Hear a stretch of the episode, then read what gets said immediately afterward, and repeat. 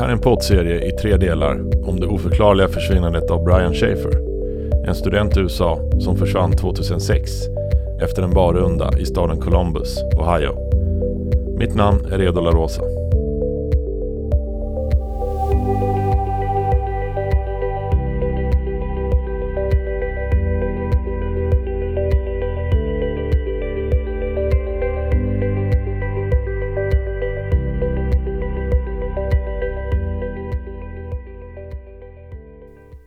Så vad hände tiden efter den lördagen, den där första april 2006, med Brians fall? Jag berättar strax om en tidslinje av händelser som inträffat efter hans försvinnande och jag går igenom dem i datumordning. Sker det uppdateringar i Brians fall framöver så ser jag till att släppa uppdateringarna på poddsajten. Så se till att klicka på follow för att följa podden. Länka till avsnitten på Facebook och andra sociala medier och sprid ordet till era vänner och bekanta. Del 3 Tidslinje och teorierna Tidslinje Den 11 maj 2006 sker ett inbrott i Brians lägenhet på King Avenue. Alexis berättar att polisen ringt henne klockan tre på natten och hon ombads gå över till lägenheten för att kontrollera om något saknades. Väl inne i lägenheten så märker hon att det egentligen saknas bara fåtalet prylar. TVn, några DVDs, Brians värdefulla gitarr till exempel är kvar. Helgen innan hade NBC värdat ett nyhetsinslag om Brians försvinnande. Hade inbrottet kunnat bero på det undrade man. Samtidigt medgavs att en grannlägenhet råkat ut för samma sak. Så i slutändan trodde man att händelserna inte hade någon personlig koppling till just Brian. September 2006 Den här kvällen i september, efter att Alexis krupit ner i sängen, gjorde hon det hon alltid brukade göra. Hennes nattritual. Ringa till Brians telefon. Röstmeddelandet som Brian lämnat var det sista hon brukade somna till. De hade fortsatt att betala för telefonabonnemanget av symboliska skäl. Den här natten, istället för att gå till telefonsvararen, började telefonen att ringa. Det ringde tre signaler och sedan efter det gick samtalet vidare till röstbrevlådan. Precis som om telefonen var på och ingen svarade.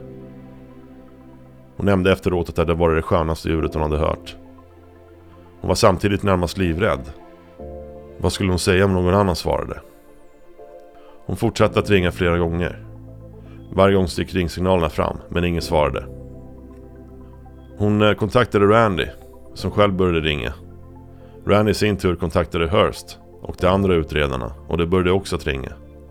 Varje gång under flera timmars tid ringde Brians telefon tre gånger. Columbuspolisen tog detta än en gång vidare med operatören Singular. Som undersökte vad det egentligen var som hade hänt och varför Brians telefon efter plötsligt fyra månaders tid började ringa. Med samma förfarande som i april så skickades pings ut till Brians telefon. Man fick en träff från en basstation 22 km västerut från Columbus. I en förort vid namn Hilliard. Svaret från operatören den här gången var att detta med största sannolikhet varit en computer glitch. En datastörning. Man menar att på grund av hög belastning på basstationen som skulle ha avvisat samtalet så gick det istället vidare till en annan basstation. Och det orsakade en avvikelse från det normala som gjorde att det ringde först innan det gick vidare till röstbrevlådan. I slutet på augusti 2007 letade man igenom flera områden i närheten av Columbus. Dessa började i västra delen av staden och ledde sedan mot orten Hilliard. Detta var i anslutning till basstationerna på västra delen av staden där man fått pings besvarade av Brians telefon. Texas EcuSearch, en version av vår egen Amazing People, hade blivit kontaktade av Randy. Sex personer från organisationen kom upp till Ohio och hjälpte till att organisera letandet. Vädret hade dock varit dåligt. Det hade till och med varit stormvarning de dagarna. Så uppslutningen hade inte varit den bästa. Slutligen så gjordes inga anmärkningsbara fynd. Bendelar i närheten av söndertrasade kläder hade dock väckt uppmärksamhet i tidigt stadium och det analyserades forensiskt av polisen. Men det visade sig sen vara djurskelett. Söndagen den 14 september 2008 Söndagen den 14 september sveper en kraftig storm, Hurricane Ike, genom de centrala delarna av Ohio. En handfull människor omkommer. Randy Schaefer bodde vid den här tiden i ett hus i Baltimore. På måndagen den 15 september dyker inte Randy upp till jobbet på Midway Electric. Hans arbetsgivare lyckas få tag i en granne som beger sig över till Randys hus för att titta till honom. Grannen hittar Randy på baksidan av huset i trädgården. Han ligger orörlig på marken under en stor gren som verkar fallit från ett träd. Randy är död. Han hade varit ute och tittat till godset efter stormen och hade oturen att bli träffad olyckligt av den där fallande grenen. Kondolenserna strömmade in. På sociala medier skrev många att de träffat på Randy i letandet efter sin son. Och de beundrat hans outtröttliga engagemang för att hitta Brian. Derek blev nu den enda resterande medlemmen i familjen Schaefer. En person som hjälpt familjen sedan i början med att hitta Brian, Laurie Davis, sa att vi får inte låta oss slås ner av detta. Hon hade varit helt slukad i Brians fall. Hon hade sett Randy bli intervjuad i ett nyhetsinslag och kände ett stort behov av att bistå honom. Hennes man förstod inte riktigt varför. Hennes 13-åriga son hade sedan förlikat sig med det. Han hade till och med hjälpt till att ta bilder när Laurie gjorde sin egen undersökning på Daglituna Salona. Hon tog i mångt och mycket över efter Randy genom att försöka samordna informationen om Brians försvinnande och sprida ordet om hans fall. Hon låg bakom webbsidan findbrianschaefer.com och organiserade eventet March for the Missing in Ohio. Ett årligt event runt datumet för Brians försvinnande där de marscherar för att hålla minnet av försvunna personer från Ohio levande. Med tiden hade även Laurie lärt känna Randy personligen. Innan Randy förolyckades beskrev Laurie honom som en vilsen själ. Han hade inte kunnat få någon ro efter hans sons försvinnande. Han kunde ringa henne upp till tio gånger på en kväll och älta och gå igenom alla detaljerna i Brians fall. Hon hoppades att han kanske hade fått svar på en del av frågorna där han nu var. 22 september 2008 Don Corbett, privatdetektiven som Randy hade anlitat, har genom Columbuspolisen försökt få Clint att ställa upp på ett nytt lögndetektortest. Clints advokat, Neil Rosenberg, svarar genom ett e-postmeddelande till Don Corbett. Den enda brinnande frågan för myndigheterna är Clints vägran att delta i ett lögndetektortest. Det beslutet var baserat på mina rekommendationer och råd till Clint. Inte för att han har varit vilseledande eller haft något att dölja. Utan för att han helt enkelt inte haft något nytt att berätta. Han har varit helt uppriktig och ärlig från första början. Och vad Klint beträffar så är saken över för hans del. Vidare skrev han Om Brian lever, vilket jag är föranledd att tro efter att ha pratat med de inblandade utredarna, är det Brian och inte Klint som orsakar hans familjs smärta och lidande. Brian borde ges till känna och avsluta detta. Derek och Alexis samt Don Corbett intervjuades senare i tidningen The Lantern. Derek och Alexis stod fast vid att de trodde att Clint visste något som han inte trätt fram och berättat om. Privatdetektiven berättade för tidningen om utredarna inblandade i Brians fall. När de kontaktades för att bekräfta Neil Rosenbergs utsaga om att Brian kunde vara vid liv vägrade de att uttala sig. Den 2 oktober 2008 Tidningen The Columbus Dispatch skapade en minnesruna för Andy online och länkade därifrån till en kondoleansbok. Ett inlägg i boken fångade Don Corbetts intresse. Det löd To Dad, Love Brian, US Virgin Islands inom parentes. Columbuspolisen undersöker med webbansvarige varifrån inlägget kunde ha skrivits. Man kontaktade även the US Virgin Islands och skickade bilder på Brian. Hans fall fick uppmärksamhet och det skrevs artiklar i lokala tidningar.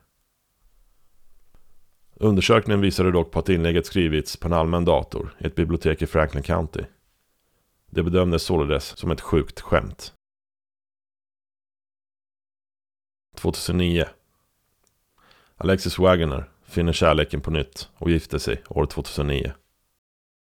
Här berättar hon i en kort intervju från 2016 med The Columbus Dispatch om tiden med Brian. So it has been almost 10 years now since that night that he disappeared. We were in medical school in our first year of medical school, actually, in class. And I th- thought he was cute, and one of my friends told him at a concert, and then he called and asked me if I wanted to go and have dinner and study. That's how it started. Well, it seemed like it was a you know a pretty good normal relationship. I mean, I spent time with his family, he spent time with my family, and I mean, a lot of it was a lot of it was all very medical school, you know, centered. That night, I talked to talked to him on the I talked to Brian on the phone, and he was getting ready to go out with with his friends. So they see him get there, they see him go up the escalator to get to the bar, but nobody ever sees him leave. We made missing posters and we started hanging them all over the place. And then, um, you know, from there we just started searching everywhere. We looked, you know, up and down the, the uh, Olentangy River. We looked in every dumpster that there was on campus. I just was, I just remember being, I was very brokenhearted and just very scared and didn't really know what to think. You know, but the, I think the main question always came down to is he dead or did he run away? Those are the two main, you know, did something happen and he just either ended up somewhere nobody could find him or somebody got rid of him. And that always made them think it was somebody that, you know, that could have known him or, you know, it wasn't just a random thing or did he just take off? Um, I think the I I think it was close to a year before I stopped calling the phone. I think about a year after that was when I finally said, okay, I've I got to stop. And so I, you know, would occasionally, but really stopped, you know, calling the phone. You know, you can't put away the other parts of your life when something bad happens. As, as easy as it would have been, because it would have been very easy to crawl into bed and the days that I, when, when there was no other, you know, things to pass out. There were when there were no other people to to talk to. I think initially it would have been really easy to to have done that. I feel like I'm so distant from it anymore that um, that I don't I don't have you know I used to have this this feeling like he you know when it first happened like how could somebody leave and how could he do that to me and obviously that's impossible and so something horrible must have happened but now with a lot of distance and a lot of time and now I I mean I, I think I probably have less of I, it feels like it happened to somebody else now. I mean, since that point, you know, I got I got married in 2009, and I've had um, two two little boys since then who are wonderful. And uh, I live in Toledo now, um, uh, and I have a you know a wonderful practice that I work with, and just busy as an OBGYN here in, in Toledo, and um, so just a, a very busy, full, happy life now. I guess that was one one thing that I had that even though I was part of all of that, then I have I've had the chance to step away and not have that as a focus forever. I maj 2018 stänger Dagletuna Salona ner efter 14 års verksamhet. All inredning rivs ner och lokalerna görs om till kontor.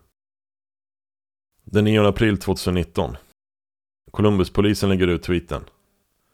Vi fortsätter att hoppas att Brian lever och mår bra. I augusti 2019 går Detective John Hurst efter 33 år som polis i pension. Han startar Powell Detective och Protection Agency. En detektivbyrå med verksamhet kring säkerhetsarrangemang. Han ställer upp intervjuer med Kelly Bruce i podcasten Brian Schaefer Dead or Alive. Och har lovat fortsatt engagemang i att försöka lösa gåtan med vad som hände Brian Schaefer. Efter honom blir ansvarig utredare för Brians fall André Edwards. 2014 intervjuades han i tidningen Columbus Monthly. Där en artikel beskrev hur Edwards genom åren plöjt igenom allt material med Brians fall flertalet gånger om. Själva videoinspelningen från Dagletuna Salona och The Gateway Complex blev som en favoritfilm berättade han. Han kunde med 100% säkerhet säga att Brian aldrig lämnade Dagletuna Salona med rulltrapporna. Han fortsatte och sa att Columbuspolisen arbetade efter tre teorier. Men att de inte ville prata om dem ens i generella termer. Februari 2020. Lagom till Brians födelsedag sker ett genombrott i Schaefers fall. Ett foto som cirkulerat på webben visar på en bild på en hemlös amerikansk man tagen från Tijuana i Mexiko. Mannen har uppenbara drag av Brian Schaefer. Många som följt Brian Schaefers fall, inklusive podcasten Kelly Bruce, är övertygade om att det kan vara han. Vi lyssnar på Detective Tucker, som numera är ansvarig för Brians fall. New tonight, inside the investigation of a possible break in one of our area's biggest mysteries. What happened to Brian Schaefer? He was an OSU student who disappeared back in 2006, never to be seen or heard from again. Now, almost 14 years later, Crime Tracker 10 brought a potential clue to police. Angela Ann explains how the FBI got involved, what they found out, and what happens next. When it comes to missing persons in Ohio, there is one name that probably resonates more than any other Brian Schaefer. His case has the makings of a Hollywood movie. A young medical student last seen going up this escalator to a popular campus area bar, but video never showed him leaving. Or did he? Nearly 14 years after Brian disappeared, this photo recently started circulating of a man, supposedly homeless and American, in Tijuana, Mexico. It said, Help locate. Facebook groups dedicated to finding Brian swore it was him. The theories grew rampant. Brian was alive. So we brought the photo to the attention of Columbus Police and Detective Blanche Tucker. When you first saw this, what did mm-hmm. you think? I was like, wow, it could be. Could it be? It's a possibility. Because it does look a little like, Like him, it does. It was the first big break for the Brian Schaefer case.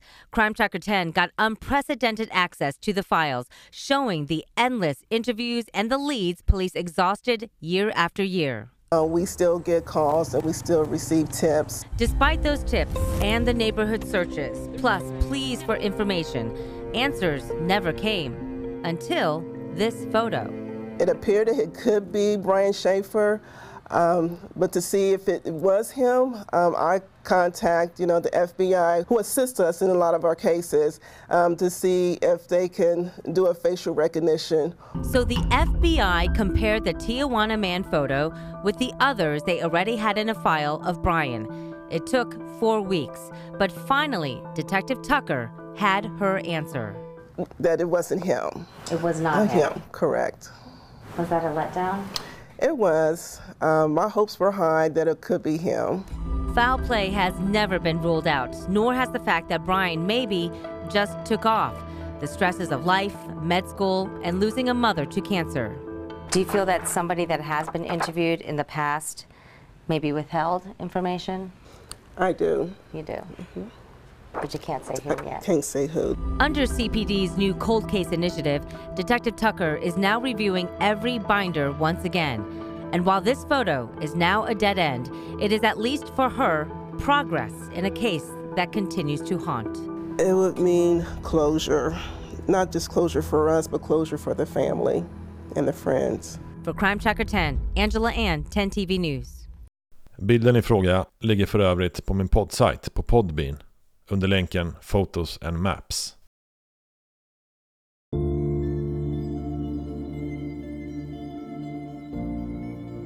Så vad kan ha hänt Brian? Och vilka är de tre teorierna som Columbus-polisen berättat om men vägrar utveckla vidare på? Följ med mig i den sista och avslutande delen i försvinnandet av Brian Schaefer.